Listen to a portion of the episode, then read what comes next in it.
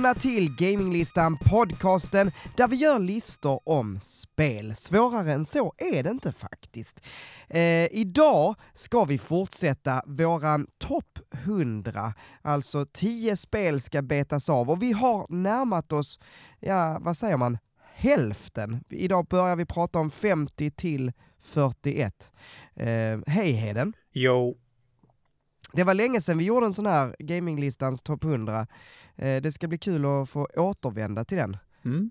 Man får ju ändå tänka på det att även om 50 till 41 låter ganska, fortfarande ganska långt ner på listan. För oss två så blir det ju liksom spel som vi har mellan 20 och 30 typ.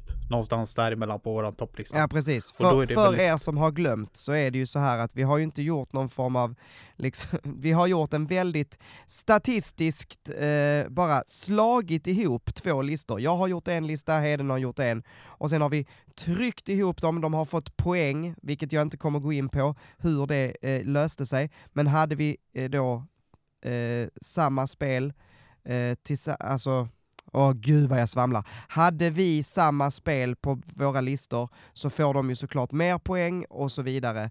Eh, så, och ju längre upp på vår lista, alltså ju eh, närmre plats ett vi hade spelet på vår lista, desto högre poäng fick det och så vidare. Och sen har vi slagit ihop de här spelen.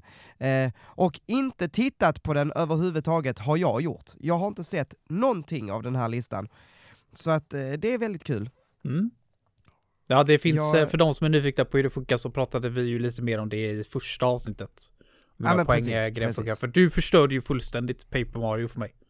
Det, är ju liksom, det var ju topp 5 spel för mig, men du lyckades ju dra ner det till plats typ 67 eller något sånt där. För jag hade, jag hade det på jättelångt ner Ja, på min lista. Precis. Ja, eller vad säger man? Upp. Ja, det där är svårt. Är det ner eller är det upp? Jag Jaha. skulle säga att man klättrar uppåt, så att långt ner på listan, skulle jag vilja säga. Ja. Det kanske folk tycker lite annorlunda, men jag tycker det känns vettigare att Ja. klättra upp. Om ni tycker eh, att det är på något annat sätt så skriv ett mail till info at sundbybergskommun.se så eh, får vi det, jag lovar. Eh, Okej, hörni, innan dess eh, så ska vi ju faktiskt prata lite om vad som har spelats sen sist och vad som har hänt sen sist. Och, ehm, Heden, vad har du gjort sen sist? Ja, Jag tror du kan gissa vad jag har gjort sen sist. Jag har... Ja, Vad har jag gjort sen sist, Manuel? Du har spelat, eh, du har spelat Rocket League med mig. Ja, det du har jag gjort. Det har du gjort faktiskt. Du har spelat Persona 3. Mm, det har jag gjort. Mm. Jag var till och med ledig en vecka från jobbet. Eh, för att kunna nörda så mycket som möjligt. Eh, det här har inte jag berättat för folk än, tror jag heller. Men som vanligt jävla rötar varje gång jag förhandsbokar ett spel som jag ser riktigt mycket fram emot. Så ska de ju klanta till det. Så nu var det webballens tur att klanta Mm. till den här gången. Eh, så att när jag gick in och kollade på fredag morgon där om liksom kommer det idag eller liksom kan jag hämta det bara. Då hade de inte ens skickat skiten. Mm. bara, Äh, du har faktiskt berättat detta sist. det kanske jag har jag, var, jag var svintaggad på att höra hur, hur det kändes första timmarna och då Det kanske det eh, hade stämmer. du ju inte ens fått det. Nej, det Men stämmer. Det, det stämmer. gör ja, inget. men då hoppar vi helt över det. Då kan du lyssna på det för. Det var bra du säger det, för jag Ja. hade helt glömt att jag pratat om det. Men, men vi kan ändå bara lägga till att webbhallen, fan skärp er. Ja, precis. för helvete. Ja, nej, det men kan eh, sägas. Persona 3 Reload då, det är en remake på eh, Persona 3 FES framförallt. Det finns ju flera versioner utav Persona 3. Det finns ju Vanilla-versionen och sen finns det FES som är typ som Royal eller Golden Editionen. Eh, och sen finns det ju Portable också, vilket är PSP-versionen. och ytterligare extra content. Mm. Så att problemet med Persona 3 är att när någon säger jag skulle vilja spela Persona 3, var ska jag börja? Då får man ju liksom så här, du vet, dra upp glasögonen så där nördigt och så bara actually, liksom, och så börja prata i hundra år om vilken version man ska välja. Men nu kan jag med glädje bara säga att spela Reload. Det är en fantastisk remake so far. Väldigt faithful, men ändå massa quality of life. Eh, extra content liksom. De bygger på storyn, bygger på karaktärerna. De gör det så som jag vill att man gör med ett, en remake. Alltså inte sträva för långt bort från, från grundmaterialet. Men liksom jämnar ut sånt som kanske inte funkade så bra i originalet och lägger till. Liksom inte, jag avskyr när man får en remake och så är den så här extremt faithful, liksom även sånt som inte var bra i originalet. Liksom det är kvar för att det ska vara, de vågar inte röra någonting, men det har, de har gjort ett Mm. bra jobb so far. Eh, och Persona 3 följer ju en eh, huvudkaraktär som han får döpa själv, men som eh, canon name är Makoto, eh, Makoto Yuki. Så det är det jag namnet jag använder för jag klarar inte av det där med att döpa karaktärer. Eh, det handlar i alla fall Mm. om en om en eh, en värld där, ti- där tiden har Fan ska man förklara? Det finns en extra timme på dygnet som heter the dark hour. Det finns bara ett viss typ av folk alltså med sådana som har the potential, alltså typ som kan använda sina personas till exempel. Eh, som är medvetna om den här tiden. Alla andra liksom karaktärer som inte har den potential, de ligger i, i såna här eh, coffins, grav, eh, sådana som, som man grävs ner i. Vad heter det? Ja, kistor. Kistor ja, gravkistor. Så det, det är ju gött creepy och det var en av de första grejerna jag verkligen älskade med det här spelet som de hade ändrat för i originalversionen så när man startar spelet så går man till sin eh, skoldorm som man ska spendera sin, sitt år eh, i. Mm. Och då är det bara en cutscene. Men här så får du faktiskt gå. Och det känns alltså, hade jag inte vetat vad Persona 3 är så hade jag ju trott att det här är någon typ av skräckspel för det är så fucking creepy. När man går där och börjar liksom den här gravkistor överallt, liksom blodigt på, på marken och det här gröna ljuset från månen som är när, i under Dark Hour. är Riktigt snyggt, eh, riktigt snyggt intro faktiskt.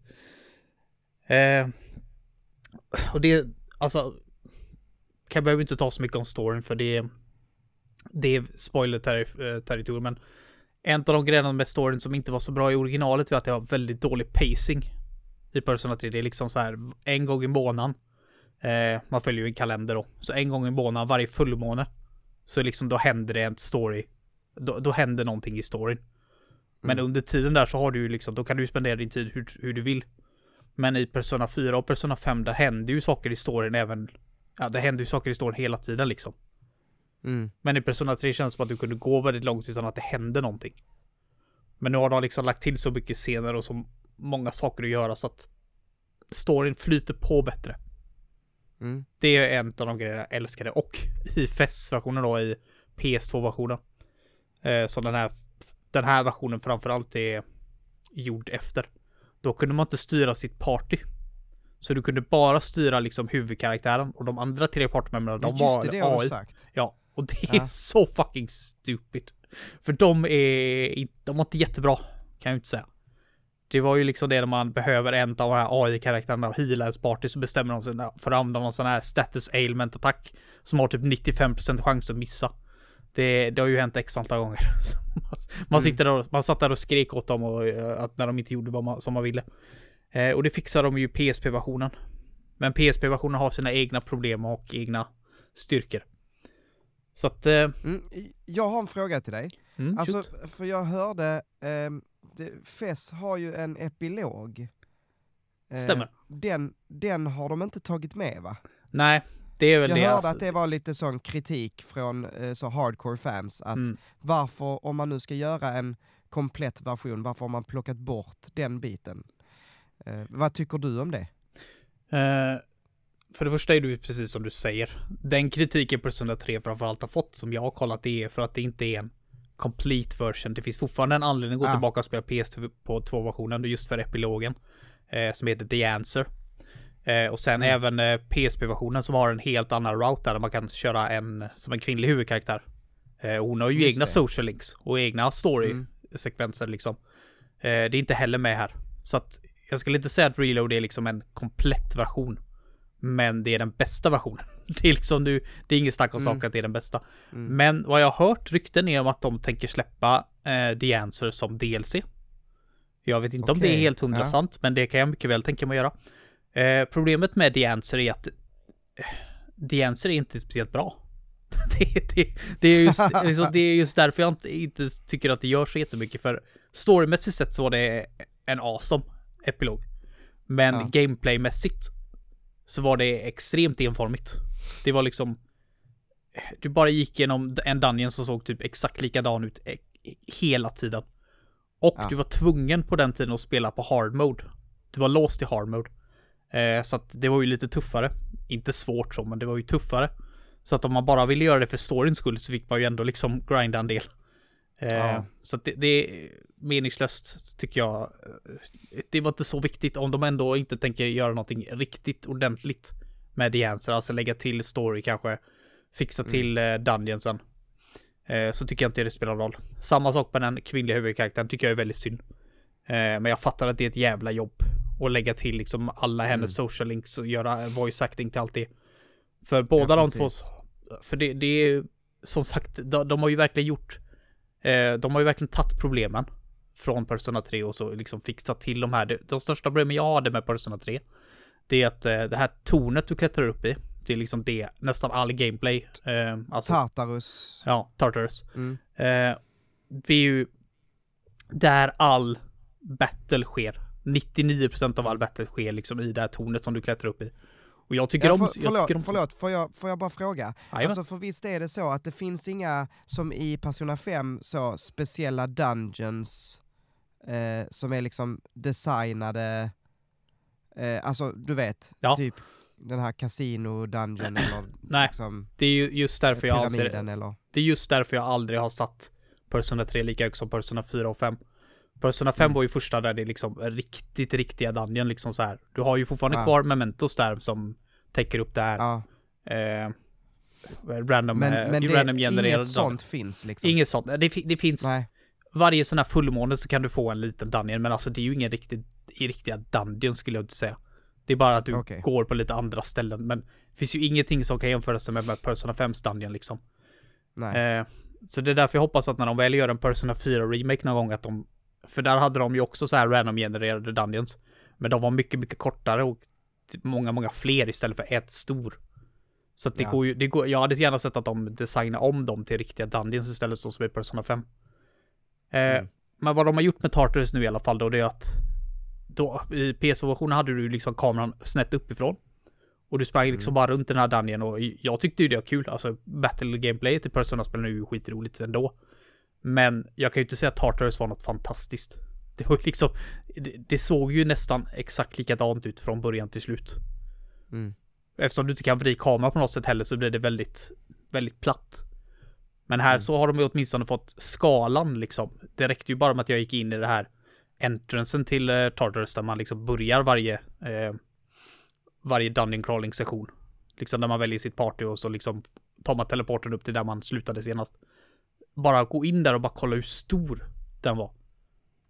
Och liksom bara... Det, det var en bra första intryck och då fattade jag att jep, det kommer... Det kommer vara mycket roligare att utforska Tartarus nu och jag tycker fortfarande att det kan vara lite samey. Det liksom dröjer lite för länge innan de ändrar utseendet på Tartarus men de har ju ändå Ja, gjort så ja. gott de kunnat. Och fortfarande hållit det. Det går ju inte att ändra hela Ja, Tartarus utan att ta bort vad Persona 3 är i grunden. Och det är ju fortfarande det här fantastiska Nej. karaktären Ja, och fantastiska precis, alltså, då, då hade det kanske varit bara bättre att liksom, ja men ge oss ett Persona 6 kanske. Ja, men, Eh. men jag tycker Persona 3 behövde en remake. Persona 4 behöver ingen remake. Jag vill ha en remake, men det behöver ingen remake. Men Persona 3 Mm. behövde en remake. Eh, och jag tycker att de har gjort det precis så som jag hade gjort också. Jag, jag, hade, jag hade inte ändrat mycket från den här remaken. Jag, jag tycker de har gjort det fenomenalt bra. Alltså, det, det, stark rekommendation. Det, det är bra att börja här tycker jag. Jag tycker Ja. man, jag tycker, jag, jag gjorde ju inte det. Jag, jag tog ju, jag gick ju 4, 3, 5. Men jag tycker att om man Mm. verkligen vill, verkligen vill gräva sig ner i Persona, då tycker jag man kan börja med 3 och sen 4, 5. Men vill man bara spela ett Persona, då, då är det ju 5 fortfarande, utan tvekan. Ja. Jag tror, är man nybörjare eh, på serien, så, alltså nu har inte jag spelat fyran eller trean, eh, men alltså jag bara spontant, för min egen del, eftersom jag började på femman, så var det ju liksom, det är ju ett, det är ju ett fantastiskt spel. Har man aldrig spelat något och man känner, nej jag har inte så mycket tid, jag vill bara spela ett JRPG då, jag tror, eller säg du, men är det inte fortfarande så att Persona 5 är det bästa av dem? Jo, jo, jo. Är det, utan inte, tvekan. är det, det är ju det man ska spela då. Det är ju typ, alltså Persona 5 är ju typ så det bästa JRPG jag spelat någonsin. Kanske. Alltså, ja. Det är Ja, ju det där är- uppe i alla fall. Det är ju helt Så att- insane verkligen. så att- att, Eh, men som sagt, jag har ju inte spelat trean och fyran så att jag ska inte säga så mycket. Men jag hade sagt, om man nu vill lägga tid på ett Persona och man inte har spelat något av dem, så eh, utan att spela de andra hade jag sagt femman. ja, men jo, men Ja. det, jag, jag håller med. Och sen så vet jag också det att tycker man om femman så kommer man tycka om trean och fyran också. Det är liksom, det finns inget snack om den saken. Eh, så det är, det är sjuk serie. Jag fick, gärna, jag fick gärna sitta där och liksom... När jag, när jag satt där och spelade, jag spelade 13 timmar en dag. Mm. Och då, då kände jag bara, det, jag, jag har alltid varit lite så här, jag, jag saknar den tiden när Tales var min favoritserie. Men efter Persona Mm. 5 så kunde jag liksom inte förneka längre att jag tycker ju Persona är ju den bästa serien jag har spelat. Och Ja. det här liksom bara cementerar in det lite grann. alltså, jag, Är, är du färdig nu då? nej, herregud. Efter Jag, två är, veckor? Nej. jag tror jag är 70 timmar in. Oj oj oj. Ja. Vilket är lite förvånande för det tog mig 79 timmar att spela igenom. Nej, 76 timmar tog det mig att spela igenom originalet.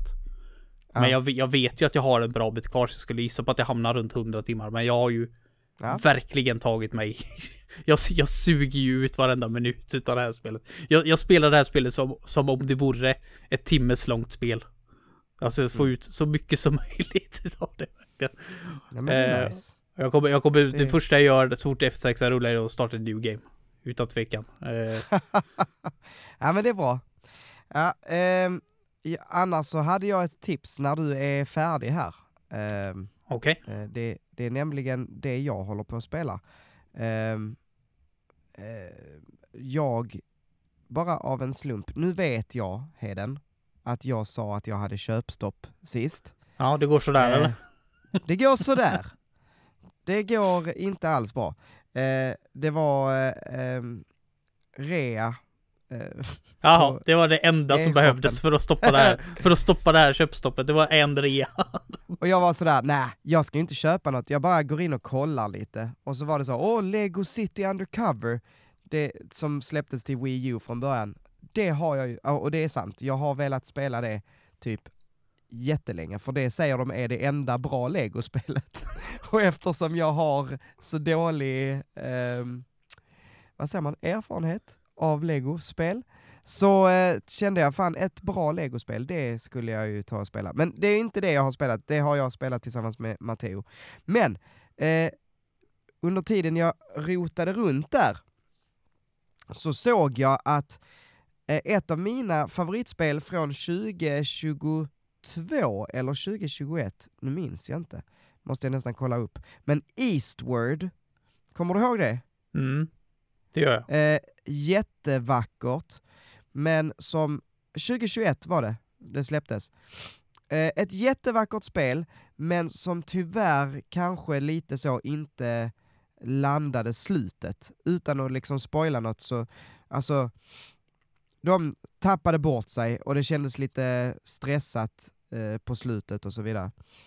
Ehm, men det är, det är ett väldigt uppskattat spel, det har 9 av 10 på Steam och, och sådär. Alltså det är, det är ett bra spel. Eh, jag var jätteglad. Framför allt så är det ju ett otroligt vackert spel. Kolla på lite bilder. Det här är ju liksom manuell knark. Den här typen av 2D som bara liksom poppar. Det verkligen poppar eh, färgerna och ja, supersnyggt. Eh, jag hade ingen aning om, jag såg på e- e-shop att de har släppt en DLC som är en farming sim. Eh, och jag gillar ju farming sims. Eh, framförallt någonting som är lite som Stardew Valley och eh, typ gamla Harvest Moon och sådär. Det är ju min grej. Så att jag tänkte, ja hur mycket kan den kosta? 50 spänn! Den kostar 50 spänn! Och jag bara, nej men det var ju inte så mycket. Och så tänkte jag, ja då kanske det är väldigt litet. Nu har jag spenderat typ så här 12 timmar. Jag är definitivt inte klar med det. Ehm, det är ett helt, alltså det skulle kunna vara, släppas som ett eget spel. Men Typ är fått det ett eget spel? 200 Eller, jag fattar inte riktigt. det Nej, är så här, alltså så när du... Det är ett DLC, fast i form av en helt egen expansion. Alltså du går aldrig in i Eastward, utan när du kommer till Eastward huvudmenyn, så press start, och sen så kan du trycka new game eller continue eller så, och sen kan du trycka på, vad blir det? X, typ. Press X for Octopia. Och så trycker du där, och då, eh, och då kommer du in till Octopia. Mm. Och, och, och då är det liksom en helt ny, egen eh, vad säger man, meny. Men ja, och, och eh, eh, så man spelar som samma personer, eh, John och Sam heter väl hon, flickan. Eh, och, eh, men det är liksom ett alternativt universum, så att ingenting av det som hänt i Eastward är liksom, ja, det verkar inte vara med i den här storyn, utan de är bara två personer som kommer till en öde stad, eh, köper en gård, du vet, som man brukar göra. Eh, och sen så eh, stannar det tåg ibland och så kommer det av lite folk, liksom ju mer du lär dig att göra, typ så, åh nu har jag lärt mig att göra en morotssoppa, säger vi. Då kommer det av någon på så, åh, är det morotssoppa jag luktar? Åh vad gott, jag tror jag kommer stanna här. Så.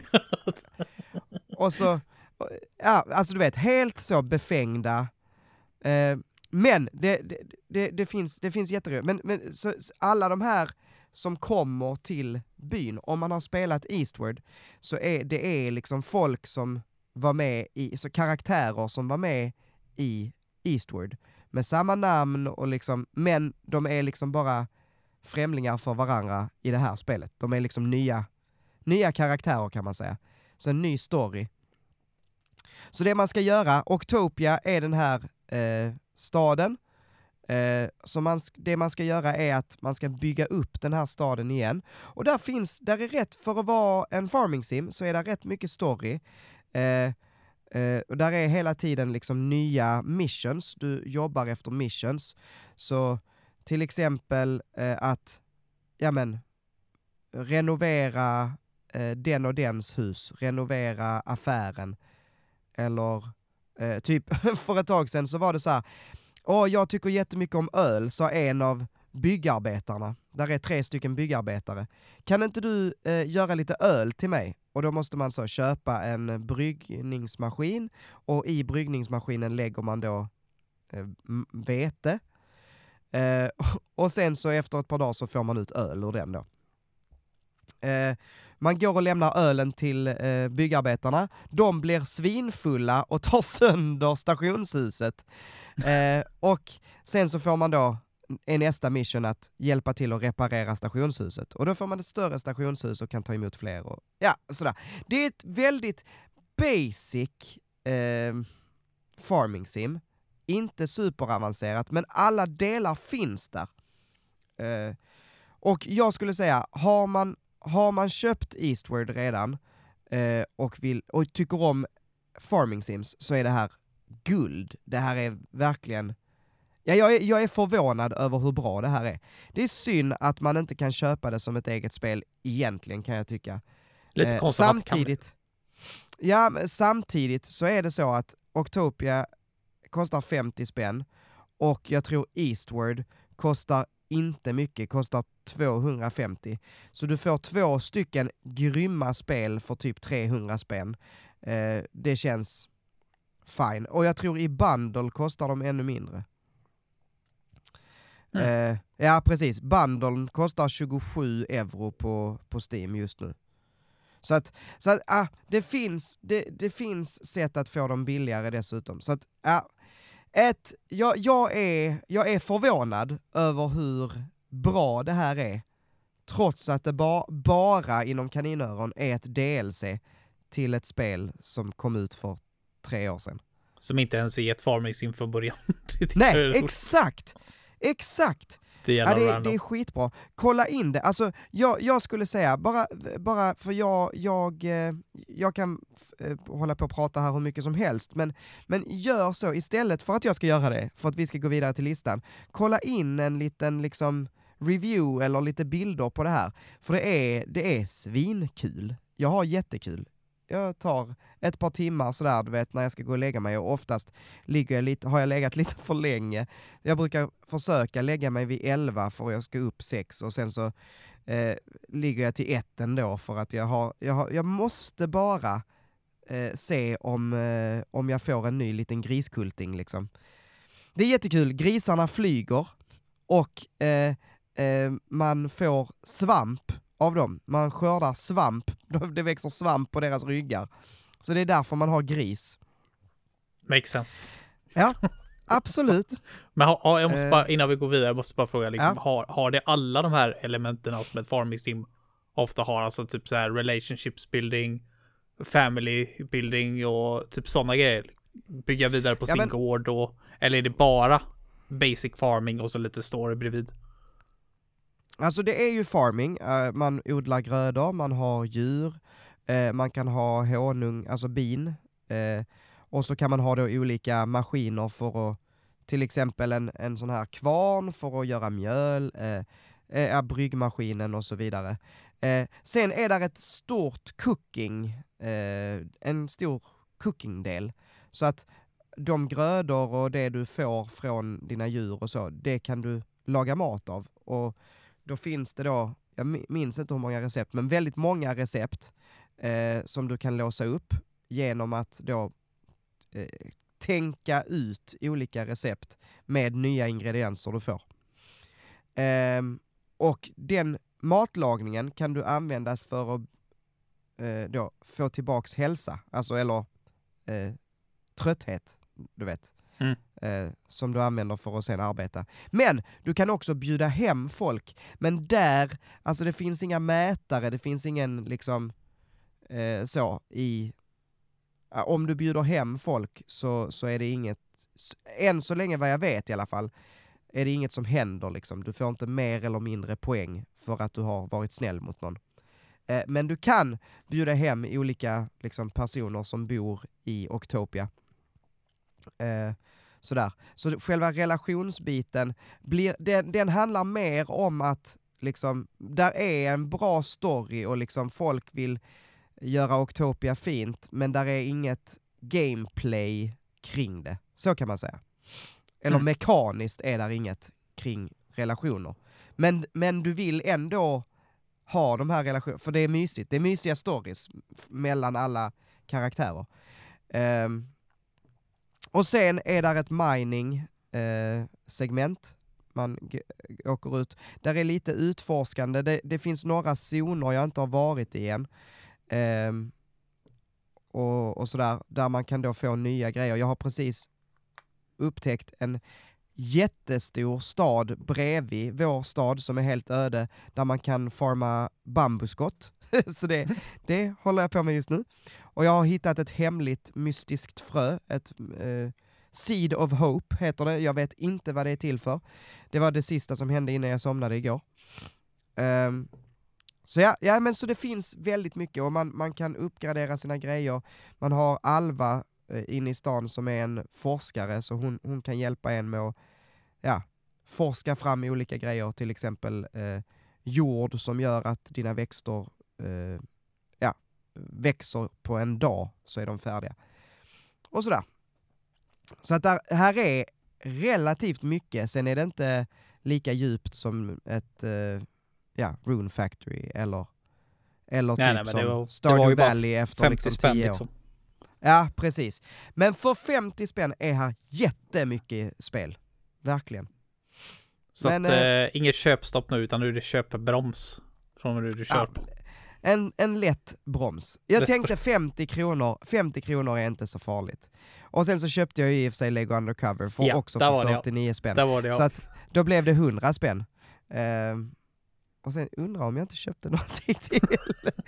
ja, jag tror jag köpte någonting till, jag minns inte. riktigt. Jo, jag köpte jag köpte Sleeping Dogs, för jag, eh, Def- Definitive Edition kostade, det är sjukt! Definitive Edition för Sleeping Dogs, alltså Xbox One och PS4-versionen, kostade 50 spänn också. Det är det sjukaste jag varit med om. Så att, eh, ja. Men, eh, men ja, snart är det köpstopp. Det är bara så. köpstopp till dyrare grejer. Ja, Du får köpa hur många Istället- billigare saker du vill. precis, precis. Istället för att lägga typ så 500-600 spänn så har jag lagt 150. Så att det är, det är ju Det, bättre. det är bra. Bättre. Ja, ja. Men okej Heden, är du redo nu då? Jag är redo. Då är det dags för Gaminglistans topp 100 bästa spel i hela världen! Yes!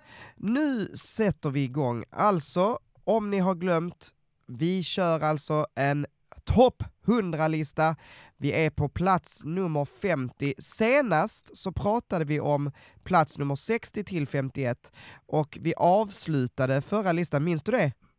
Mm. Vi avslutade med Ja, du, 909. ja, Zero Escape Volume 2 och Volume 1 på plats 52 och 51, Ja, eller hur? Stämmer. Ehm, så d- där var vi, och sen så, så nu är det faktiskt så att vi har plats 50 eh, vidare. Vi kan väl också säga det så att ingen har glömt att vi har ju faktiskt ett veto, vi har en golden ticket eh, som man f- kan använda. Båda två har kvar sin golden ticket. Det som händer om vi använder den, det är att ett spel som vi tycker förtjänar liksom en bättre placering får hoppa hela vägen längst upp till sin tia. Så idag, om jag säger nej jag vill använda min golden ticket, då får det spelet, om vi säger att det är plats 50, får hoppa hela vägen upp till 41. Precis. Mm. Bra förklarat. Men det, det är nog, det kan nog hända nu. Ganska snart ändå. Kanske inte det här Oj, oj. avsnittet, men ganska snart. Nu Ja. börjar det ju bli eh, tajt och så. Och vi har ju sagt det att vi får ju inte använda det eh, på sista eh, avsnittet. så att man knuffar upp Nej, ett spel till plats ett. Precis, utan Det, det si- sista avsnittet som går, det är att göra det på näst sista avsnittet. Eh, alltså plats, vad blir det? 20 11 blir det till 11. Mm. Ja. Så att eh, det är väl egentligen det bästa, men man vill ju få upp, Ja. man vill få upp det, ett spel som man tycker om så högt som möjligt. Det är väl det det handlar om bara. Verkligen. Eh, och du, har ju verkligen vad- ingen aning. Men jag har, Nej, inga, jag har inga planer heller. Och det, det är det jag vill, jag vill, jag vill så gärna veta, vad är vårt mittenspel? Liksom? Det Ja. som är mitt på listan här nu. Precis, början på slutet, eller på att säga, men början Ja, på... precis. Vi är ju inne på andra halvan nu, den seriösa halvan.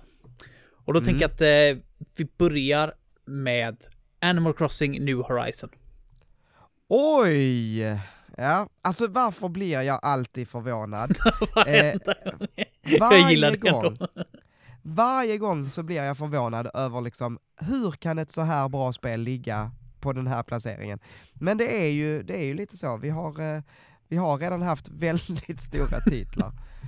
Men ja, okej. Animal Crossing, eh, vi hade det båda kanske? Nej, Eh, nej. det var bara jag. Mm. Jag har allt, absolut en del att säga om det här spelet, så säg du det du vill få sagt först. Eh, Animal Crossing är ju eh, typ det spel jag har spelat mest. Om man tittar på min Switch så står där Mario Kart 8, men det är ju för att Matteo har spelat så jävla mycket Mario Kart 8 nu. Eh, men men det, Animal Crossing är ju det spel jag har spelat mest, vilket är, eh, alltså jag tror jag la typ 150 timmar den 2020 liksom. Eh, jag la så himla många timmar på att bara vara i den här världen. Den kom, det, det spelet kom ju på precis rätt tillfälle. Ja, verkligen. Det, Det måste är vara liksom, det mest röta ever alltså, där det är för ja, Nintendos skull där. Alltså, tur var det ju inte, de har ju också haft det tufft med corona, men Animal Crossing kunde ju se, det- på, på hun, en hundraårig period så hade det inte kunnat släppas på en bättre dag än vad den gjorde. nej, nej. Och, och liksom, så folk fick vara instängda hemma, ja men vad vill man göra då? Ja men ha det lite, och, och det var också så, hela världen brann typ, kändes Mm. det som. Folk dö, dog till höger och vänster, ja men ha lite mysigt, sitta och plocka lite persikor och hova in lite fjärilar och eh, fiska lite fisk. Alltså det var, det var verkligen perfekt. Sen så tyckte jag, jag tyckte det var svinkul eh, i det här spelet att eh, man hade sin egen ö och att man kunde typ efter ett tag då, när man hade spelat lite, eh, bygga eh, alltså i nivåer. Man kunde då bygga sin ö i olika nivåer och göra olika, eh, vad säger man, platåer. Eh, och, och jag är ju inte en sån där kreativ människa när det kommer till spel. Det har jag sagt tidigare. Eh, Mario Maker och sådär, det är ju inte min, det är inte min grej. Eh, men det jag tycker om är att kolla på vad andra har gjort och eh, sen lägga in det liksom. Så jag gjorde en massa, inte allt, men jag tittade lite så på vad folk hade gjort och så gjorde man lite så designer från andra. Eh, ja, det var, det var jäkligt roligt. Det var en superrolig tid och det är också ett spel som jag antagligen aldrig kommer komma tillbaks till. Eller åtminstone inte på väldigt många år. Och, eller typ ett år Jag vet inte men, jag, vet, det, nu, jag blev lite sugen när vi började prata om det. Mitt i meningen, här, jag kommer kanske. aldrig... Nej. Eller, kan, äh, eller... jag blev fan sugen på att spela Animal Crossing nu. Men, men det känns, lite så här känns det, att eh, om jag kommer tillbaks till det, så kommer jag bara radera ön jag hade och skapa en ny och börja om. Mm. Eh, för att det är liksom det som är roligt. Eh, och det känns ju skitjobbigt att säga bara, för att jag har lagt ner 150 timmar på en ö som jag bara ska bränna. Jag kan ju säga att det är ju det rookie är hours jämfört med vad jag har sett på nätet, det kan jag ju säga. Ja, jo visst, jo visst. Eh, men sen, sen hade det sina liksom inte så bra delar, till exempel, eh, vad heter det? Eh, oh, vad heter det, nätet? Alltså online-delarna ja, ja, ja. var ju det, skit. Det är ju typiskt Nintendo. Um, ja, men eh, sen var det kul att, att göra den här turnip, eh, vad heter det? Det är det där marketen du tänker på då, varje söndag? Ja, mm. ja, ja precis.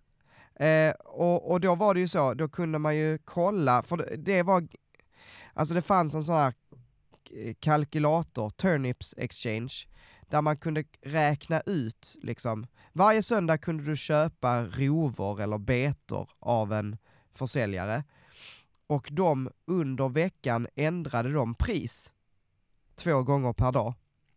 Eh, så då kunde, du, då kunde du gå in på en sida som heter Turnip Exchange eh, och skriva in eh, typ jag vet inte, din ö eller jag minns inte vad det var man skrev in. Och då kunde man få då ett pris på liksom, ditt pris kommer pika här. Så sälj innan onsdag förmiddag för bästa pris. Ja, det är ju fusk. Eh, nej, det är ju skitbra! Så man tjänar svinmycket pengar. Det, var jätteroligt. Det har ju, för det har ju funnits ända sedan GameCube-versionen där, Turnips. Det, det, det, höll jag på, det höll jag på med på GameCube-versionen, kommer jag ihåg. Det var ju en, en del grejer. Man skulle komma hem från skolan och så gå in och kolla vad, vad betena låg på för priser och se om man vad, kunde få... Vad det var för pris? jag undrar, undrar om det var verkligen fanns, jag tror det fanns i GameCube-versionen. Jag är helt hundra på att det fanns i, eh, åtminstone fanns i DS-versionen. Jag tror det fanns ja. i GameCube-versionen också. Ja. Nej men säg du vad du tycker. Jag vet att du, du, du var inte så förtjust, eller hur? Alltså det, det bra spel, det tänker jag inte säga någonting om. Uh, för min egen del så kunde det nog inte kommit på en sämre tid. Alltså för Nintendos skull så var det ju helt fantastiskt, men för mig var det liksom en vecka innan Persona 5 Royal. Uh, ja. Snyggt jobbat där. Uh, sen har du ju det sämsta fucking introt i något Animal Crossing-spel. Alltså hur kan man fucka upp ett intro i ett Animal Crossing-spel? Släpp ut mig och låt mig göra vad fan jag vill. Det här var ju något slags tutorial som fara i flera dagar. Och jag, jag kom aldrig ur den tutorialen, jag har spelat 15 timmar. Nej, det var så roligt. Jag tror att du var en av dem som bara, alltså vad fan, eh, de ändrar, det ändrar ju inte ens musik. Nej. Det är ju samma låt. Och jag bara, men hallå, du måste ju spela färdigt tutorialen. Ja men vad fan, hur kan man ha en tutorial som är över 15 timmar i ett Animal Crossing-spel? Och sen så, det, det jag tycker är roligt, jag, jag har ju aldrig varit Alltså en kreativ människa tycker jag ändå att jag är när det kommer att spela. Jag älskar typ Super Mario Maker och eh, Little Big Planet så här, man bygger egna mm. banor. Eh, men just Animal Crossing för mig har aldrig varit det har aldrig varit liksom att bygga min, en fin by eller en ö eller det, det, det handlar ju liksom mer om att man är med de här djuren och liksom är ett mm. community med de djuren. De, de ska ju vara liksom, de ska ha så mycket dialoger och så intressanta dialoger att det ska liksom ska vara kul och det ska vara lite drama och intriger mellan dem och det finns alltid någon man hatar som man bara vill ska flytta därifrån och någon som man älskar som man aldrig vill ska flytta därifrån. Men alltså de här djuren. De, de mest tråkiga dialogerna jag varit med om någonsin. Och så pratade jag med min syster, för hon är ett stort Animal Crossing, framförallt eh, New Horizon-fan. Och då sa jag det att för, för min första eh, villager jag fick var dom. En, eh, tror jag, får tror jag han är. Och han är en sån där jock. Så han pratar bara om sin fucking träning hela tiden. Ja, han, han, kan ja. inte säga ett annat ord än om sin fucking träning. Och jag tyckte att han var så hemsk så jag, liksom, jag gick runt och slog han med hoven hela dagarna, men han vägrade flytta därifrån. Och så kommer liksom min syster och säger bara, men han är ju en av de mer populära karaktärerna och då kände jag bara, den här serien har absolut ingen framtid för mig. Det är så jäkla tråkigt. Men jag har varit så sugen på att ge det en ny chans någon gång nu när jag liksom, när man, när det inte mm. kommer ett Persona en vecka in, eller liksom en vecka efter. För det är ändå så, så här, inte, eh, inte just nu heller? Eller nej, inte just nu heller nej. Men det har varit så många gånger jag varit mm, så nära på startat, men så kommer jag på att just det, det är ju skittråkigt i början. Och det är ju liksom inte bara en liten stund i början, utan det vi snackar ju liksom om flera dagar, så jag funderar på om jag ska fuska mig förbi i så fall de första dagarna, liksom bara göra det som krävs och sen bara eh, så här time travela tills spelet faktiskt börjar. Och sen försöka spela därifrån. Mm. Men jag vet inte, jag, jag, tycker inte att den här serien går, och går åt det hållet jag vill att det ska gå åt. Och det, that's fine. Liksom, det, jag har aldrig varit någon superfan, men jag har spelat alla Animal Crossing förutom det till Wii innan. Och tyckt jättemycket om dem allihop. Och jag mm. tycker att det här är det sämsta Animal Crossinget. Utav dem jag har spelat. Ja, ja spännande. Men eh, fan, vi får ju gå vidare. Vi har, nu har vi fastnat. Eh, ja, det har vi gjort. Vad är 49 då? Ja, här har vi något mycket, mycket bättre. Eh, här har vi Rune Factory 3. good shit, good shit. Jag har redan pratat så jävla mycket Rune Factory 3 nu i det senaste. Jag fattar att vi kommer prata om många spel eh, som vi har pratat om innan, men jag har ju bokstavligt talat pratat om Rune Factory 3 för typ två avsnitt sen eller något sånt där. Typ något sånt. Ja, och sen så pratade jag om Rune Factory 3 även när det var, när jag spelade det på DS för typ ett och ett halvt, två år sedan. Ja. Så det har jag verkligen pratat om, men det är ju supermysigt. Och nu finns det ju som sagt på Switch. Eh, och på mm, Steam. Mm, så att det är ju lättillgängligt att få tag på nu, till skillnad från vad det var när jag köpte det för typ 800 spänn på DS. För två år sedan. Eh, ja, jävlar. Ja, jag, jag, tyckte det var värt det. jag tyckte det var så jävla mm. bra, så att, helt klart värt det. Det enda är att det har väldigt lite endgame. Jag vill gärna ha mycket endgame i mina farming sim. Men här var liksom, du spelade 30 timmar och sen så var det liksom bara, nu har jag typ nästan ingenting speciellt kvar att göra. Det är liksom, det tar liksom slut. Men, jag måste fråga, är det här det första Room Factory som dyker upp på denna listan? Det är det va? Eh, ja, det är det. Vi har inte haft några andra. Mm. Men vi kommer behöva vänta ganska länge innan det kommer ett nytt Rune Factory, tyvärr. Så att... Eh, ja. Ja, bara så du vet om det nu Manuel, så att du inte... Ja. Men eh, Rune Factory 3. Ska vi gå vidare? ja, men du gillar detta spel? Jag gillar detta spel. Ja. Det, det, ja. det ligger på plats 49 på den här, vår gemensamma lista, det borde säga allting. Och innan, innan vi går vidare, bara, mm. alltså om, eh, det kanske vi kan, liksom, men jag har ju varit eh, liksom på gång att testa Room Factory flera gånger. Eh, nu har jag köpstopp, det vet vi om. Men köpbroms. jag tänker, ja, köpbroms. Men om, om, liksom, om jag någon dag ska ta ner någonting, eh, till switchen blir det ju då, eh, vad tycker du att jag ska börja med? Du, Manuel, vi tar, det vid nästa, vi tar det vid nästa uh, Rune Factory som kommer upp om ganska många, ganska långt kvar till nästa, men vi tar det då. Ja. Trust okay. me. Trust me, Manuel. Men det är inte detta? Eh, Så mycket kan du säga? Vi, nej, det kan jag inte säga. Det kan, det, det kan jag inte säga. Oh, då håller vi på den. Vi håller på den, ja. ja. Okej, okay, 48. Ja.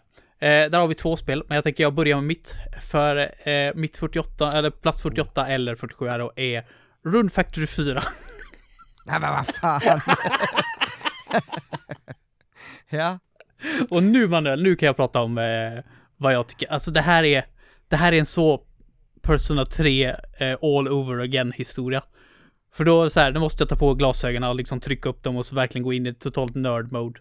Eh, för vill du bara ha ett kort Rune Factory, liksom så här ett kort, men väldigt fin, väldigt fint, eh, fin, liksom kvalitet hela vägen. Eh, mm. Jämnt balanserat. Eh, intressanta karaktärer och intressanta dungeons så är det ju Rune Factory 3 utan tvekan. Eh, mm. Som sagt, det är endgamet som är lite lacking där tycker jag. Det är därför jag har Rune Factory 4 över.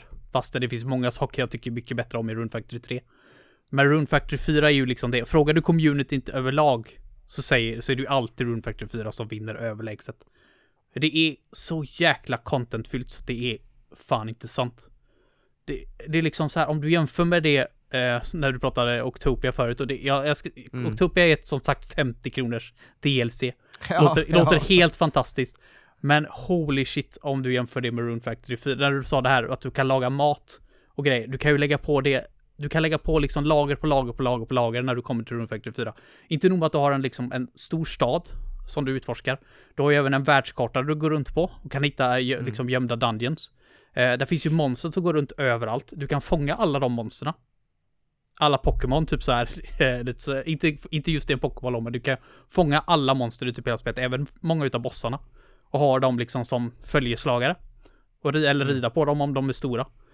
Eh, du har ju liksom det, hela det här eh, relationsdelen som jag tycker är skitkul. Eh, med även med mycket story som, runt omkring det som är liksom helt valfritt att göra. Det har ingenting med main storyn att göra. Men du kan skaffa en familj. Du kan skaffa barn. Det finns en dungeon i spelet. Eh, där det finns en dörr som är, det är liksom en låst dörr. Som endast öppnas om du kommer dit med din familj. Så du måste komma dit så som jag gjorde då. Jag hade ju min fru och min dotter med mig. Och då öppnades den dörren upp och då liksom det är en extra boss där inne. Eh, och ett extra item att få som är exklusivt och ett av de mest ovanliga. Så att det är, så- det är så mycket coola grejer i Rune Factory bara. Det är så, Men, eh, Cool. Jag måste fråga också, för visst är det så att Rune Factory finns i två versioner?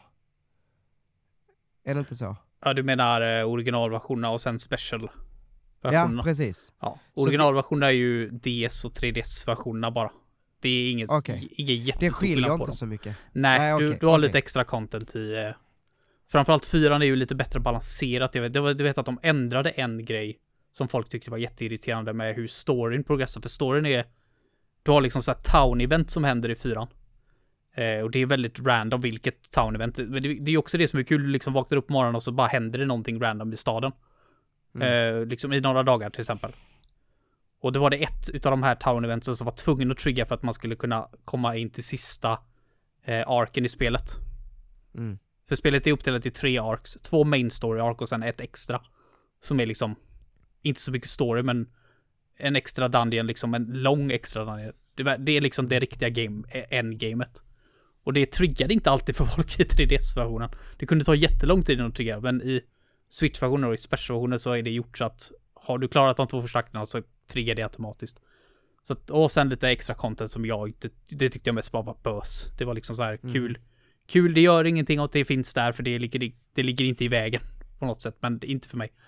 Eh, men jag, jag spelar, jag spelat i 150 timmar tror jag. När jag kände att nu är jag nöjd. Nu är jag liksom nöjd. Men Det- skulle du säga då, eh, för att komma tillbaks till min fråga, eh, för någon då som lyssnar på det här, till exempel jag, eh, och eh, ja, men som, som inte vet, ska man börja med Room Factory 3 eller 4, så är svaret, om jag tolkar dig rätt, att vill man ha någonting mindre, eh, liksom eh, en mindre eh, spelupplevelse så är trean bättre. Vill man ha en djupare eh, spelupplevelse så är det fyran. Det är det, det, är det enkla sättet att förklara det på. Ja, Men båda är Ja, men jättebra, men, nice. jag, tycker, jag tycker som sagt fyran är lite bättre. Det finns mer, det finns mer att göra i det. ja.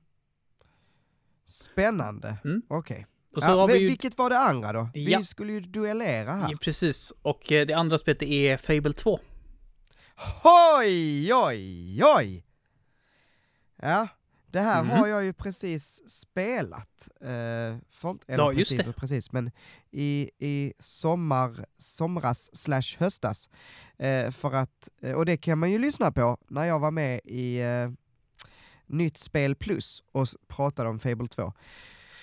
Men eh, kortfattat, Fable 2 är ju ett sånt där spel som är liksom en, ett, en liten munsbit av en massa olika saker.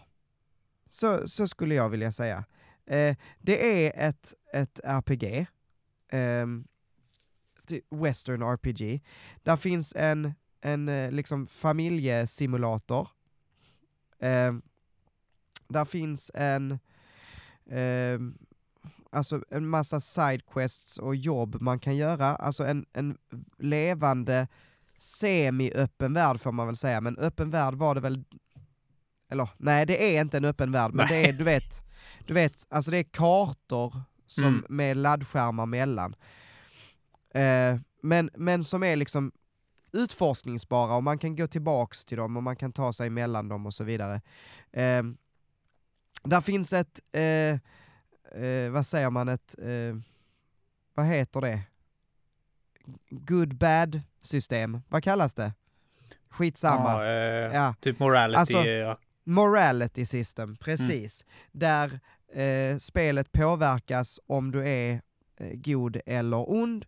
Eh, och i Fable 2 så ändrade de lite på det här för att i Fable 1 så var det verkligen så, du har en väg att gå. Eller nej, förlåt, två. Antingen är du ond eller så är du god.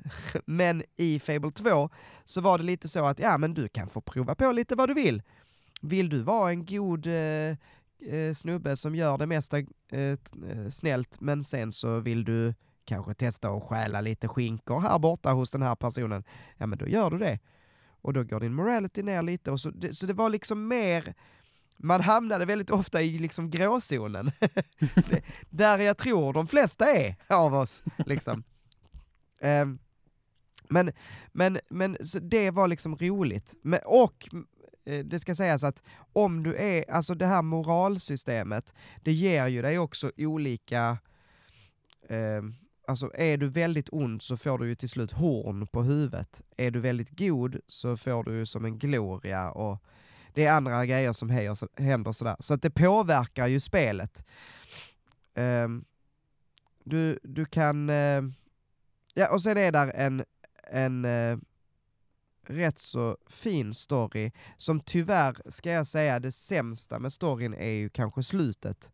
Um, man har ingen riktig sista boss direkt, utan eh, sista bossen blir en sån här India, eh, nu spoiler här för Fable 2, men eh, man står, den ondingen, han står och pratar och pratar och pratar och pratar och du kan välja att skjuta honom medan han pratar och då, då dör han där, så, pang.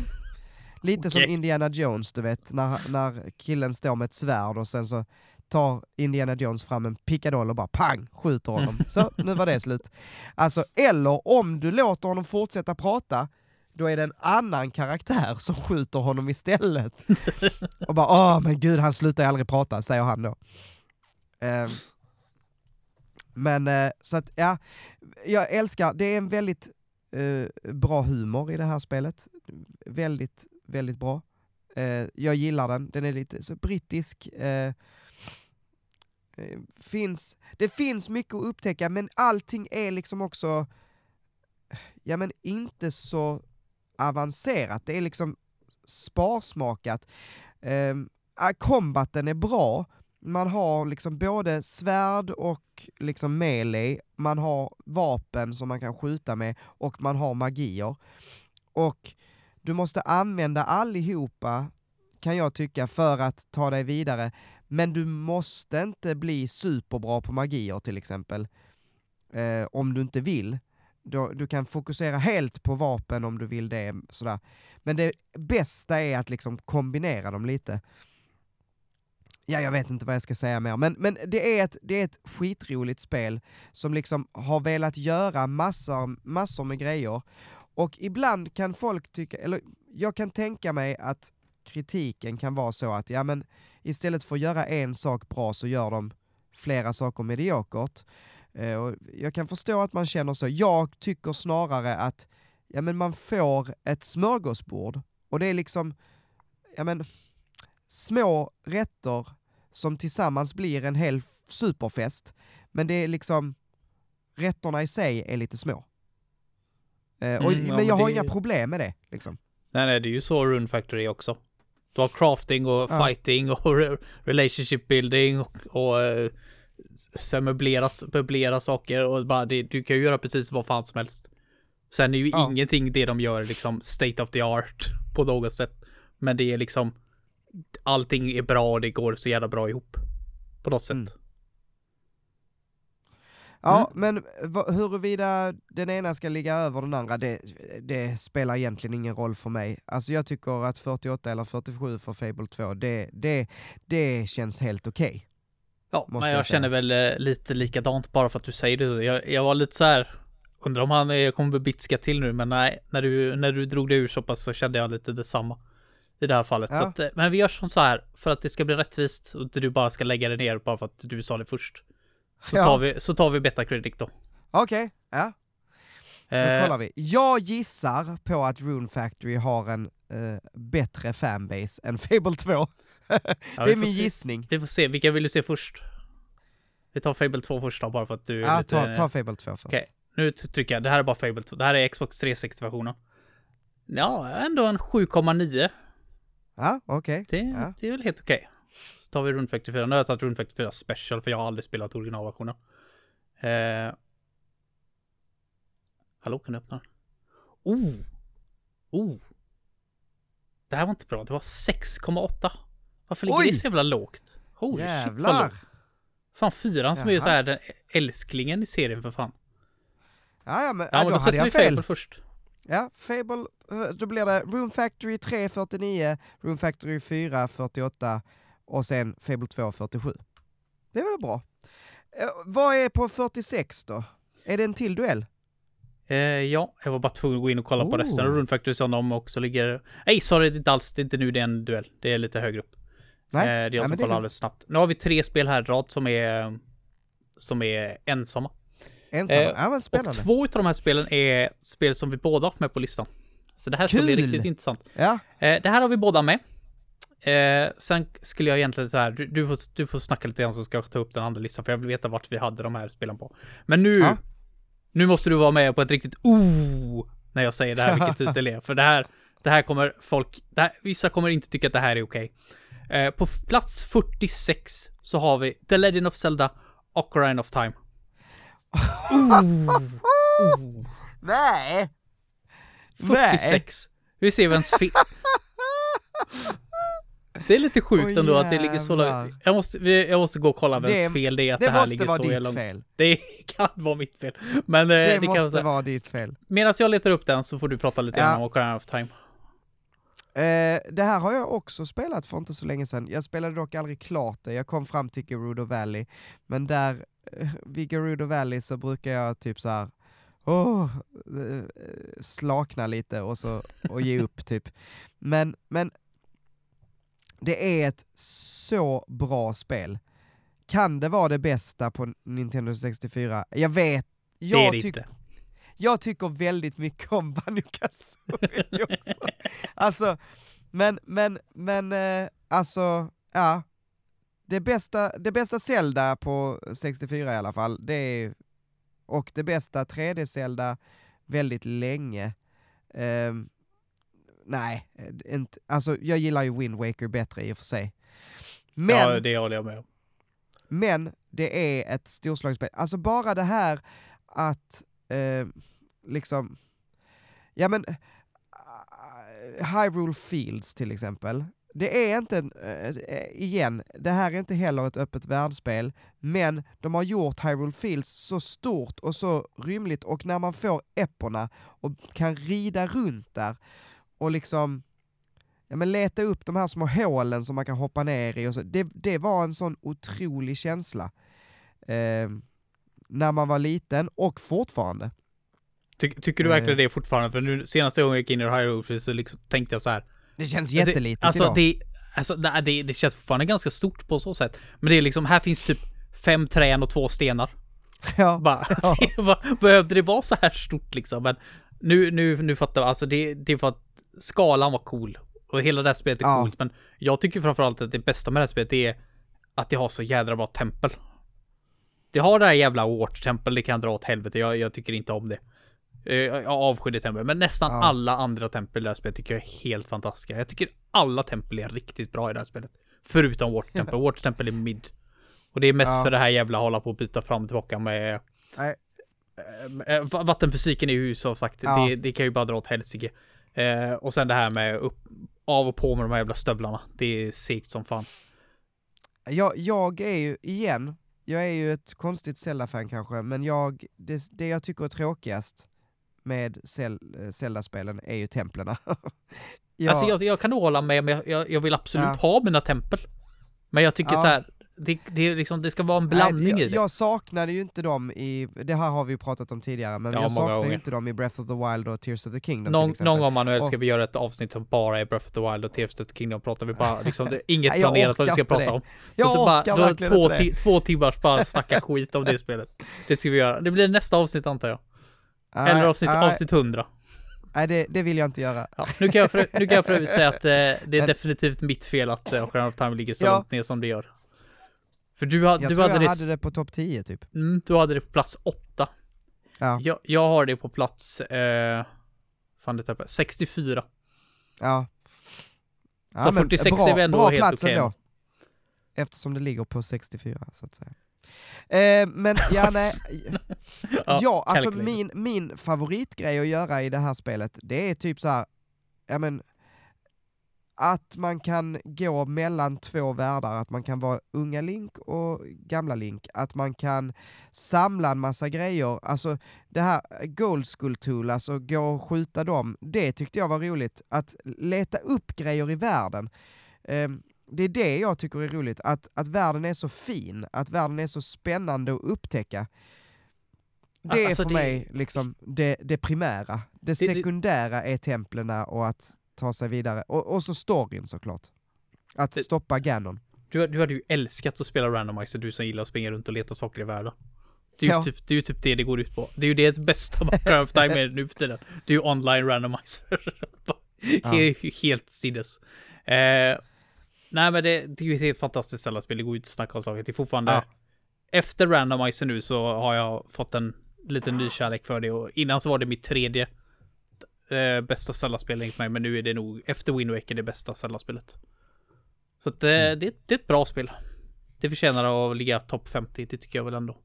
Ja, även om det, även om det inte gör det på min egen lista. Ja, jag var nästan sådär att jag skulle ropa golden ticket, men jag får nog hålla i den lite till. eh, men vad är, vad är 45 då? ja, eh, det är också ett väldigt lustigt spel. Sorry, en sekund här bara. Så. Eh, det är också ett väldigt lustigt spel att det kommer upp den här, just den här gången. För plats 45, där har jag Persona 3 FES. Så att det, det är ju passande nu när vi ändå pratat om Persona 3. Men det kanske också visar lite grann, för jag snackar ofta om Persona 3. Persona 3 är lite grann som att prata om Fa- Fausigedor för mig. Eftersom Mm. jag tycker så mycket mer om Paper Mario 64 än vad Fausigedor så låter det alltid som att, när jag pratar om det så låter det som att jag inte tycker om Fausigedor. Och samma sak är det med Persona 3. Det låter alltid som att jag tycker lite mindre om det, eller det- jag tycker väl mindre om det, men det låter alltid som att Men jag... det är fortfarande att du tycker fortfarande väldigt mycket Ja, jag om tycker det. det är ett helt sinnessjukt bra spel. Jag bara Mm. älskar Persona 3. Jag har spelat, jag har spelat FES och jag har spelat por, eh, Portable. Och nu spelar jag Reload och jag tycker det är lika kul varenda jävla gång jag får sätta mig in i den världen igen. Eh, men som sagt, FES har ju sina problem. Men även med de problemen så har jag ju det så här högt. Jag tror jag hade Persona 3 topp 30 i alla fall. Ja, det måste jag ju haft eftersom det ligger så här högt. Mm. Så det är absolut ett topp 30 bästa spel någonsin för mig och det är liksom, tar jag bara bort, tar liksom bara RPG så är det ju liksom ett topp, topp 15, topp 20 RPG liksom ever. Mm. Trots det så är Persona 4 och Persona 5 så jävla mycket bättre så det säger ju någonting om den serien. Men, eh, nej, Persona 3 är helt fantastiskt. Vi behöver inte prata så mycket mer om det eftersom vi redan pratat Persona 3 i det här avsnittet. Ja, redan. Men det var, jag tyckte Ja. det var lustigt att det lyckades pricka in det så att den gången vi pratade om fest det är just det Ja. avsnittet när jag prat, pratade om att jag har spelat Persona 3. Eh, men ett annat spel som vi har med nu på plats 44 som vi har båda haft med på listan. Mm. Eh, det är Banjo Tooie. Oh, ja. Och Ja. där är du så här bara, åh, synd att det inte var Banjo Kazooie. Jag håller med. Jag håller med.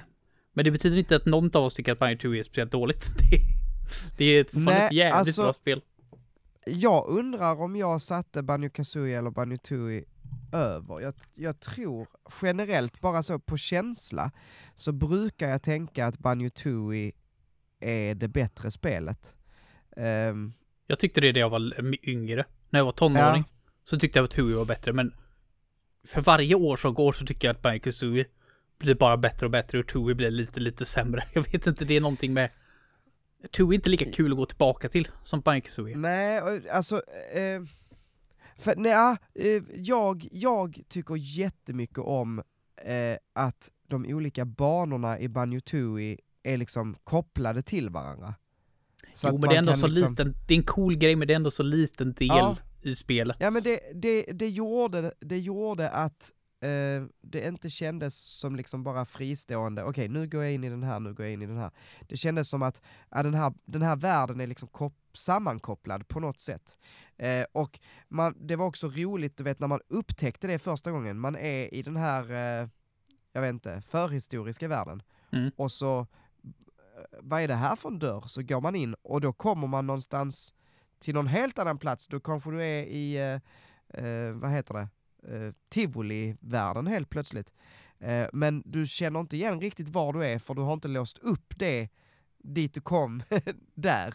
Nej, just det. Ah, ja men det är kul, och då, då går man tillbaks för att hitta, ja men hur ska jag kunna låsa upp så att jag kan gå igenom här? Och sådär. Jag, jag, jag gillade det väldigt mycket, så, och de har ju också lagt till det här FPS-delen, vilket jag tycker är skitrolig. Eh, eh, man skjuter ägg men eh, ja, nej, jag, jag, tycker att Banjo har väldigt många bra delar. Men sen, det jag tycker Banjo Kazooie har är generellt sett bättre banor. Ja, jo det tycker jag. Det känns också som ett eller, mer välpolerat, mer ja, streamlinat spel. Ja, mer ikoniska.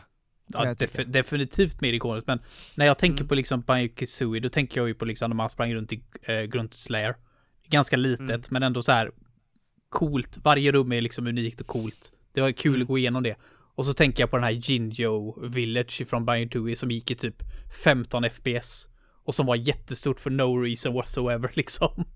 Eh, så det, det kändes som att de ville göra ett väldigt storskaligt spel som inte behövde vara så storskaligt. Förstår du vad jag menar? Banorna är mm. jättestora. De behöver inte vara så jättestora.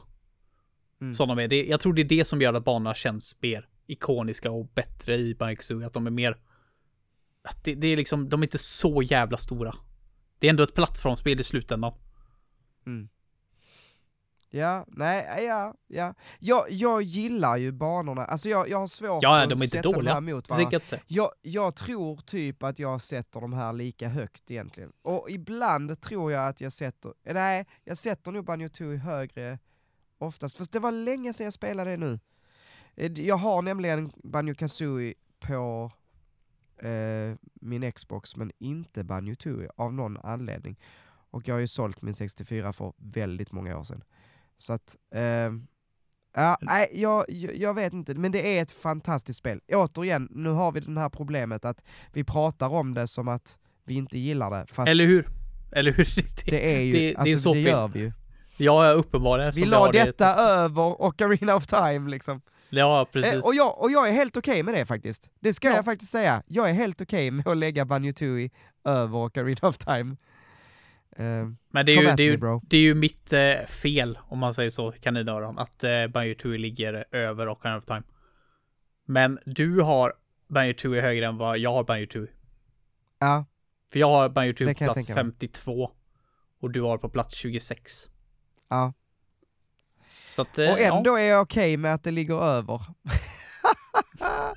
Nej men alltså på en personlig lista så hade jag väl lagt Banjo Tui under Ocarina of Time, precis som jag har gjort. Alltså det, men, men, men, eh, så här, jag tycker ändå det känns vettigt. Eh, det är ett spel som vi båda tycker mycket om. Eh, så jag, jag tycker det, det, det, är en bra position. Plats 44. Vad är på plats 43 då? Ja, nu ska vi se. Då har vi eh, då har vi lite fight igen, men jag kan säga att den här kommer jag ge upp direkt. Bara för jag tycker inte att mitt spel ska ligga över i det här fallet. Eh, men jag har i alla fall en vision novel här. Okay. Och det, är för, det har jag pratat om för inte så länge sedan heller, för jag spelade det för typ ett år sedan, något sånt där. Eh, och det är Fatal 12. Eh, det är ju där man spelar som, eh, fan vad heter nu, hon heter väl uh, Ray tror jag. Oh my god, alltså japanska namn, jag, jag kan aldrig komma ihåg japanska namn. eh, men hon i alla fall, hon hamnar ju liksom, hon blir ju, hon dör i en, terror, en terroristattack. Ja, just det! Eh, Mm. Man vaknar upp och lever av någon anledning. Eh, och sen visar sig att det finns, eh, vad är det, 11 eller 12 andra karaktärer som har gått samma öde till mötes. Eh, Att de är döda liksom då, men men eh, de vet inte varför de lever igen. Och då blir det liksom ett sånt här liten survival game mellan dem då, att man, de ska försöka ta reda på de andra karaktärernas eh, dödsorsak och namn eh, och deras eh, regret i Mm. livet. Och får de, får de allting då så kan de liksom välja att eh, en gång i veckan så möts de upp då och så eh, kan man liksom utmana någon. Och har man alla där de tre anledningarna så åker den personen ut och går tillbaka till sitt vanliga öde, alltså dör. Och den, den storyn var så Ja. jäkla cool. Holy shit vilken story. Alltså premisen är, är cool nog, men de har ju verkligen exekutat den så jäkla bra. Jag tog ju och importerade det här eh, på PS4, för PS4-versionen hade lite, lite, lite, lite extra content på sig. Så att jag importerade den versionen för den kom med engelsk eh, text. Och spelade igenom hela spelet om igen och bara, oh, vilket jävla fucking spel. Det är så otroligt styggt gjort, verkligen. Det, det var någon på Steam, för jag, jag hade det här på sån här, eh, vad är det man kallar det, så här watchlist. Typ, eh, vad fan heter det? Men typ så här, man, så här, man får ett mail typ om de sänker priset på det så här, för jag, jag visste inte riktigt om det här var någonting som jag var intresserad av. Ja. Eh, men så var det någon som skrev att det här är Danganronpa med lite djur i. Och jag har aldrig köpt ett spel så fort i hela mitt fucking liv. Det är liksom 30 sekunder senare så var det liksom inne på, så hade jag redan laddat ner det. Ja.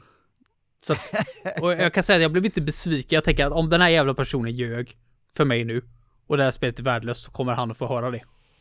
Eh, men eh, jag är jättetacksam till den personen som skrev det för det är inte helt, det är inte helt sant. Det kan jag inte säga. Men det är definitivt inte helt falskt heller. Och jag tycker att är man Ja, ett nice. Danganronpa-fan och är hungrig som fan nu efter alla år vi har varit tvungna att eh, svält, svultit här nu så kan det här Och- hjälpa lite grann. Ska man säga det också, har, har vi haft en tia här utan något, utan lite jury? Det har vi nog inte va? Nej, det hoppas jag inte. Det, är ju, det är ju superviktigt att vi har med det hela. Jag kan Ja. säga att ju högre upp vi kommer, desto mer jury blir det. Det kan jag säga. Det kan jag ju säga. Du tar slut på mig! Ah! Okej, Ja, men det är spelet som jag tänker att vi lägger över då för det här. ja. eh, För att det här är en vision novel. Jag, jag behöver inte lägga över det över ett sånt här ikoniskt spel som du har. För du gillar ju de här ikoniska jävla spelen, det kan ju inte du hålla Ja. ifrån. För det här är nämligen Nej. eh, eh, Shovel Knight. Oj oj oj, ja. Och det här vill jag Gud, egentligen inte prata om alltså. alls överhuvudtaget, för jag vill inte bli påminn av dig att jag fortfarande ska spela där, men att det fortfarande är alldeles för dyrt. För att köpa. Alltså jag, jag alltså åh gud vad jag vill att du ska spela det här spelet. Det är så bra. Men ja, det en, en vacker dag, en vacker dag kommer du säga till mig, Manuel, jag har spelat Shovel Knight. Och då kommer jag gråta. Ehm, nej, Det beror väl på vad jag säger är- efter det också. Ja, ja men antingen gråter jag av glädje eller av sorg. Det, Jag kommer det säga- så det är. Man, jag spelade Shovel Knight i en kvart. Och det var ingen jury överhuvudtaget i den kvarten. Nej, jag, precis. Ehm, nej men Shovel Knight är ju, eh, om man som jag växte upp med liksom ett NES, eh, så, så är ju Shovel Knight typ det, det bästa plattformsspelet alla typ NES. Eh, som inte går att spela på NES, ska sägas, för att det är ju det är för mycket färger och det är eh, liksom för mycket ljud och så vidare. Men det är ju den andan av spel. Är du med på vad jag menar? mm. Ehm, man har verkligen tagit så, tänk om vi skulle göra ett nytt Megaman eller ett nytt DuckTales. Eh, hur skulle det se ut år 2000, vad var det, 10 det släpptes eller något? Hur skulle det här Eh, Var spelet... det så länge sedan? Ja, det, det är rätt jäkla länge sedan alltså. Det, Eller 2013 kanske. Eh, 2010 låter ju väldigt länge sedan, men vem Nej, vet? förlåt, Ja, förlåt. 2014. 2014 Okej, var det. Ehm, som det släpptes för första fortfarande väldigt gången. länge sedan. Ja, det är tio år sedan. är det. eh, men, men de har verkligen tänkt så, vad, hur gör vi det här? Eh, alltså, eh, vi ska göra ett NES-spel fast som går på steroider, typ. Eh, känslan i hoppen, eh, i liksom timing, allting sitter där. Eh, du har ett, ett skit eller ett bra uppgraderingssystem, du har bra, du sam, alltså samlar på de här eh, låtarna, noterna, du, eh, du har riktigt bra bossar som kräver att du liksom, ja men att du tar dig tid. Och lär dig hur du ska göra. Det är inte bara att du ska random bara trycka på en knapp och sen är du färdig. Eh, banorna är fantastiska och spelet är urvackert. Eh, så att ja, det, det, det, är ju så, man tänker att det ser ut, ja just det, så här var de gamla spelen på NES, men det är ju verkligen, det är ju det är ju för mycket. Ja, alltså, du, hade, du hade inte kunnat lägga det här spelet på en, eh, nej, en NES-kassett och då stoppa in i ditt NES. Exakt. Men, eh, men det är verkligen den känslan man får av det. Att det här är typ det bästa NES-spelet jag någonsin spelat. Um, så med det sagt, ja, du får bara ta och spela helt enkelt. Ja, någon gång. Jag har ju varit inne och kollat på pris för det, men jag tänker inte betala flera hundra spänn, för jag tror inte jag kommer tycka om det här ens, ens i närheten så mycket som dig, för jag är inte ett stort fan av 2D-plattformsspel. Nej, eh, nej, det är, så... alltså, det är ju ett 2D-plattformsspel, så är det ju bara. Eh, men, det är också typ ett av de bästa. Jag ska man spela här... något 2D-plattformsspel så ska jag spela Shovel Knight helt enkelt. Ja, ja, faktiskt. Alltså, det här är ju, det är ju en annan typ av spel än Mario, 2D Mario. Eh, för att det är ju, alltså, med strider, det är ju närmre, ja, eh, Ducktails eller typ Megaman eller så. Mm. Eh, men det är, det, är liksom, det är så pass bra, så jag skulle vilja säga att Shovel Knight är minst lika bra som Super Mario Bros Wonder, som jag tycker är typ det bästa sen Super Mario Bros 3. Uh, ehm, Big att, words. Ja, ja. Absolut. Och det finns så mycket content till det nu också.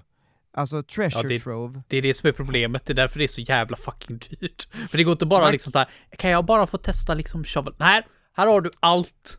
Det är som att jag skulle Nej, gå, in i, gå in i en mataffär och bara, ja, jag vill ha en paket mjölk. Ja, här har du mjölk. Och sen 18 kartonger med ägg, 15 000 paket nudlar och ett paket med tomatspuré.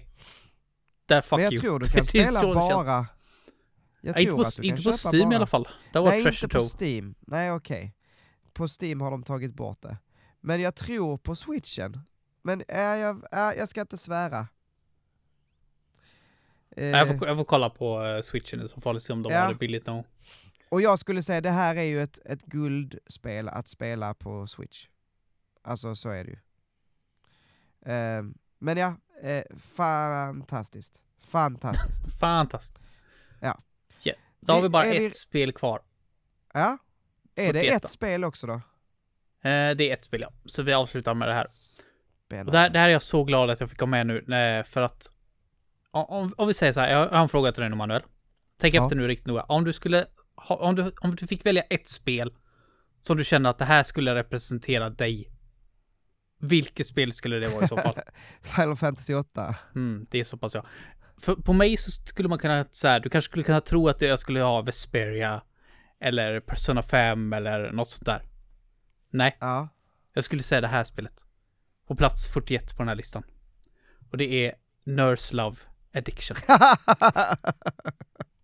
God damn, I love this fucking game. Eh, vad, ska, vad ska man säga? Det är, det är en Eurovision novel kan vi säga det för enkelt skull. Eh, Åh fan! Åh fan! Åh fan! Åh fan. Det, that's some good shit. Det här, det här är liksom så här. det här spelet fyller ett hål. Ett jättehål jag har fortfarande. Det, det, liksom, det kan inte fylla hela hålet, men det är liksom det enda som finns att fylla det hålet med. Och det är en dating sim-aktig Eurovision novel. Jag hade, jag hade en period typ runt när, när jag liksom, när det inte fanns några vision novels, det fanns bara fan translations. Så fick jag tag på en och spelade en dating sim.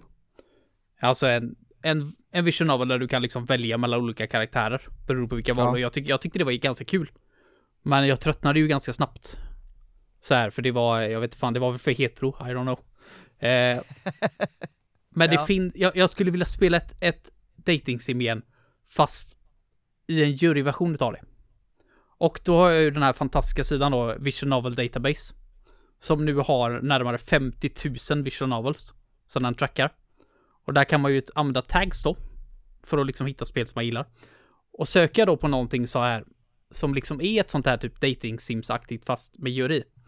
Så finns det tre spel. Utav de här 50 000. Som fyller de kriterierna. Och då är, då är Nurse Love Addiction ett utav dem. Så god damn vad det behövs fyllas på med mer sådana här spel. Men, Men- det, För, förklara, alltså för visst spelar du något annat Nurse Love också? eh, Syndrom ja, samma serie. Ja. Eh, inte riktigt lika bra. Eh, enli- Enligt mig. Det är ock- också ett helt fantastiskt spel. Eh, men Nurse Love Addiction kanske är lite mer... Där är liksom det här nurse-delen då, för man, är, man spelar ju som eh, Aska. Som håller på och eh, studerar till att bli eh, ja, undersköterska helt enkelt. Eh, och då får man ju liksom följa henne under, dem, under den tiden hon studerar. Och sen kan jag inte prata för mycket om storyn för det är sådana spoiler-territorier, men om du tror att det här är liksom en vanlig enkel historia om en ung tjej som vill bli undersköterska, holy fuck vad du har fel. Eh, det har några absolut sjuka bad endings. Alltså sådana här så att du får liksom göra double takes på vad, typ så här, vad fan var det jag precis läste. Eh, det är inte så wholesome hela tiden det här spelet heller. Det är ganska brutalt stundvis. Och det visste inte jag om när jag började spela det här spelet. Jag trodde att det skulle vara uber-cute. Från början till slut. Och det börjar väldigt uber-cute.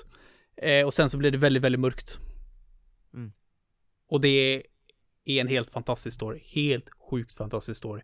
Med flera olika routes som du kan gå igenom. Jag har spelat det här eh, på både, jag har det på PC. Där jag spelade igenom det först. Och sen har jag spelat igenom det på Vita också. Och sen så har jag även det till Switch. Där det är inplastat, det är så här limited runs eh, collection. Ja, Så att, är eh. Ja, jag älskar det här spelet alltså. Det är det här spelet jag vill ha vad som låg liksom det så på här. din priva, på personliga lista? Det måste ju legat svinhögt om det skulle... Eh, ja, det borde väl ligga runt... Det låg rätt högt. Vi ser. Det, det, det, det, det låg på plats... Där ligger det. Plats 22. Så det stämmer ju bra. För, spe, för det är, om man jämför till exempel Shovel Knight. Det låg ju på Mm. plats 23 för dig. Mm. Så att eh, nästa avsnitt som vi går igenom. Då kommer vi komma in på spel som vi har topp 20. Just det. Så då börjar det bli riktigt, Ja, riktigt, riktigt hårt. jäklar. Mm. Ja, det är väldigt spännande i alla fall. Ja, men där har vi eh, dagens lista helt enkelt. På Mm. plats 50, Animal Crossing New Horizon. På plats 49, Room Factory 3. På plats 48, Room Factory 4. På plats 47, Fable 2. På plats 46, Zelda och Arena of Time. På plats 45, Persona 3, FES. Fes, ja. Eh, ja. Eh, Fes, fisversionen. FIS-versionen. på, på plats 44, Banjo Tooie. På plats 43, Fatal 12. På plats 42, Shovel Knight. Och 41, Nurse Love Addiction. Jag känner att det är ett sånt jävla gött namn ändå. Nurse Love Addiction. Jag älskar att Ja, säga det. Jag önskar att jag hade mer ursäkt att säga det bara allmänt. Det är tre Överlag. random ord som man har satt ihop och så Som bara... blir något helt fantastiskt verkligen. det skulle något- vara ett svinfett så K-pop-band. We are Nurse Love Addiction! Da, da, da, da, da, Varför, varför inte liksom? Jag Ja, vill, jag vill, jag vill bara Det är sån kemisk reaktion att säga de orden. Jag vill bara ha... Jag vill bara ha, säga de orden oftare. Eh, ja. Men det, det ser bra ut. Vad blir, vad blir det nästa då? Från Ja. 40 till 31? Ja visst. Och eh, vi börjar ju närma oss med stormsteg. Alltså gud vad jag under det här avsnittet har blivit jättesnuvig. Jag bara, min näsa bara helt täppte igen. Gött. Sorry. Men eh, eh, nästa gång blir ju eh, om ett tag. Vi ska göra lite andra grejer först.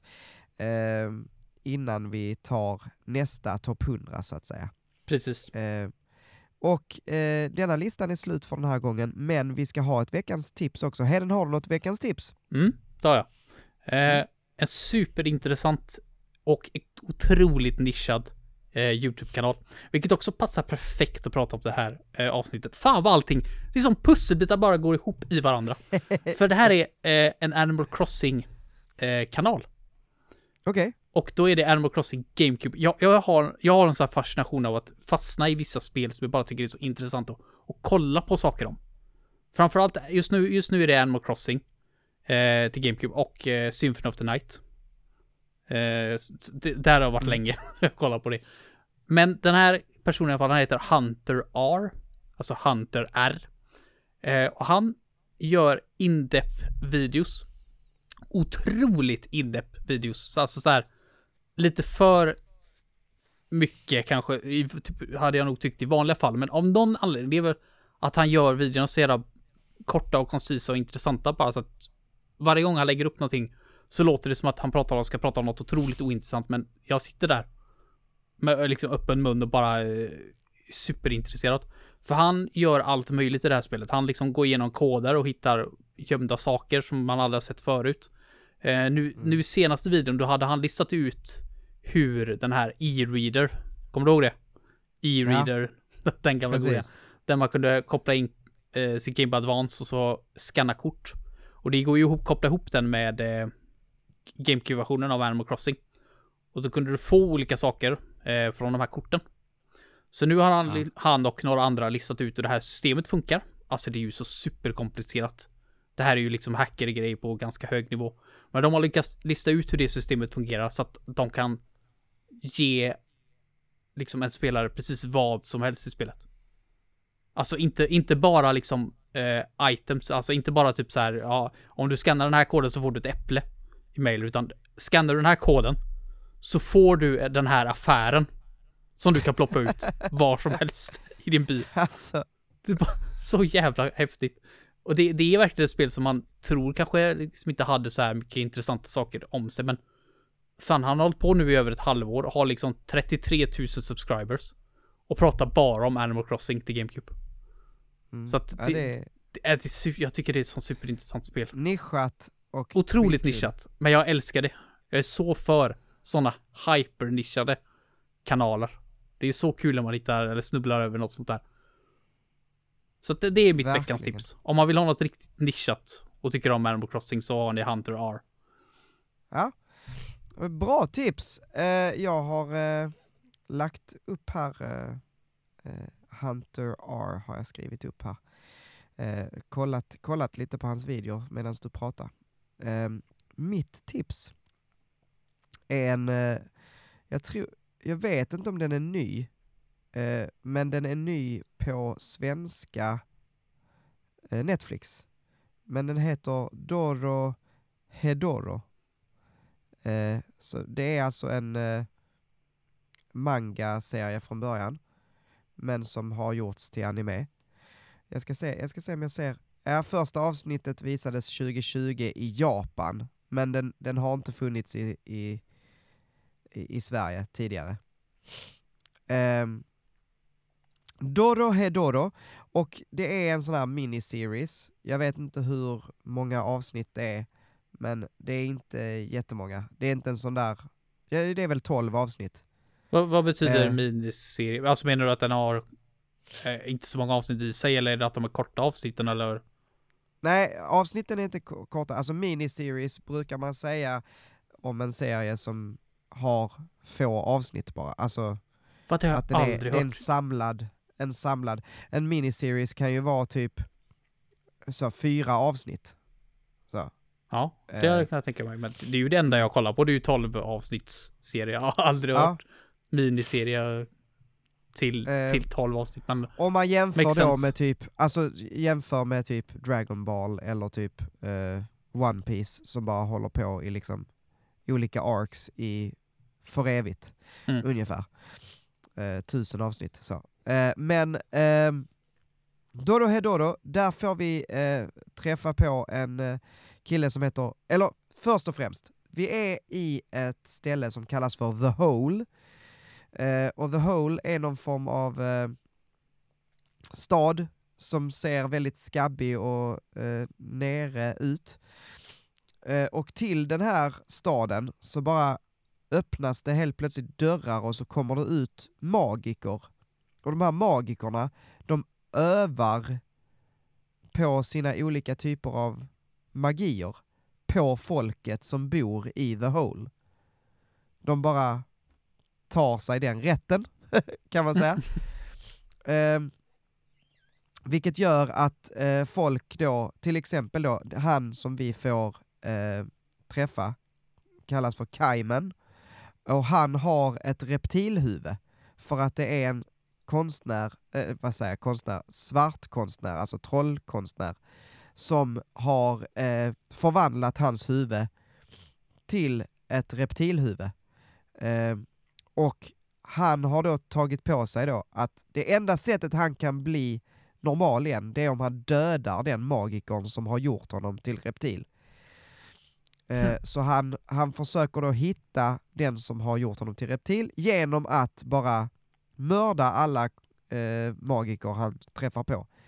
Eh, och försvara då The Hole. Rätt så skum eh, premiss, men jävligt bra serie måste jag säga. Eh, jag har tittat på typ tre avsnitt än så länge.